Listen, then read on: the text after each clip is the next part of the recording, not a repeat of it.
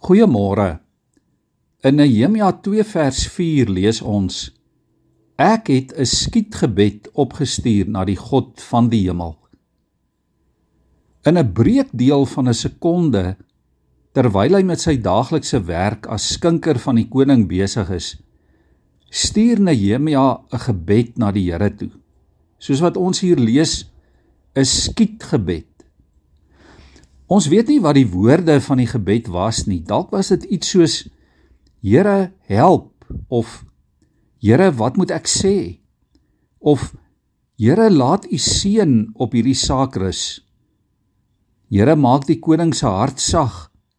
Here, gee vir my moed. Of dalk Here, gee vir ons uitkoms. Nou liewe vriende, elkeen van ons het al iewers in ons lewe so gebid, ook dalk in benoude oomblikke. Ons elkeen weet wat die inhoud van ons eie baie skietgebede is. Iewers in jou lewe het jy al gebid, Here, wat nou? Of Here, watter kant toe? Here, gee geduld. Here, doen ek die regte ding? Here gee krag. Of Here, wat moet ek kies? Soms is dit skietgebede van dankbaarheid of van verligting of van eer aan die Here. Baie van ons skietgebede en dalk was dit ook die geval met Nehemia se het nie eers woorde nie. Dis net 'n gedagte of dalk net 'n sug of 'n asem ophou of 'n sekonde se afsluit van die dinge rondom ons. En dit is wonderlik om te weet die Here is elke sekonde van elke dag oral by en in jou en in my sodat ons op so 'n manier ook met hom kan praat. As ons hier in die boek Nehemia sien en lees, dan sien ons dat voor daardie spesifieke dag en oomblik het Nehemia dae lank gehuil en getreur en gevas en lank met die Here gepraat in gebed. So kry ons byvoorbeeld 'n gebed van Nehemia in hoofstuk 1 vers 4 tot 11. Hy het sy en sy gesin en sy volk se sonde bely. Hy het die Here herinner aan sy beloftes wat hy met hulle gemaak het. Hy het gesmeek en gepleit voor die Here. Hy het gevra vir God se guns. Hy het die Here se naam groot gemaak en sy lof besing. En dit is presies, liewe vriende, wat jy en ek ook vandag in ons eie omstandighede vir ons eie lewens by Nehemia kan leer. Ons gebedslewe en ons gesprekke met die Here kan nie net uit skietgebede bestaan nie. Ja, dikwels is dit nodig en dikwels gebeur dit ook. Maar die skietgebed is altyd 'n uitvloeisel van lang tye op my knieë voor die Here. 'n Uitvloeisel van toegewyde gebede.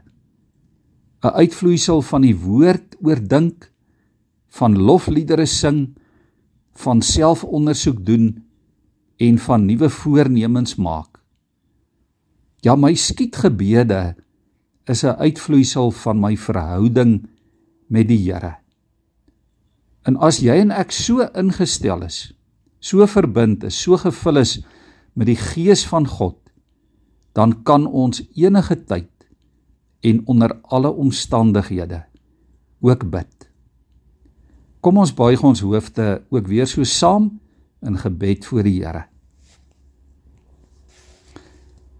Hemelse Here, dankie dat U so ontvanklik is vir ons gebede.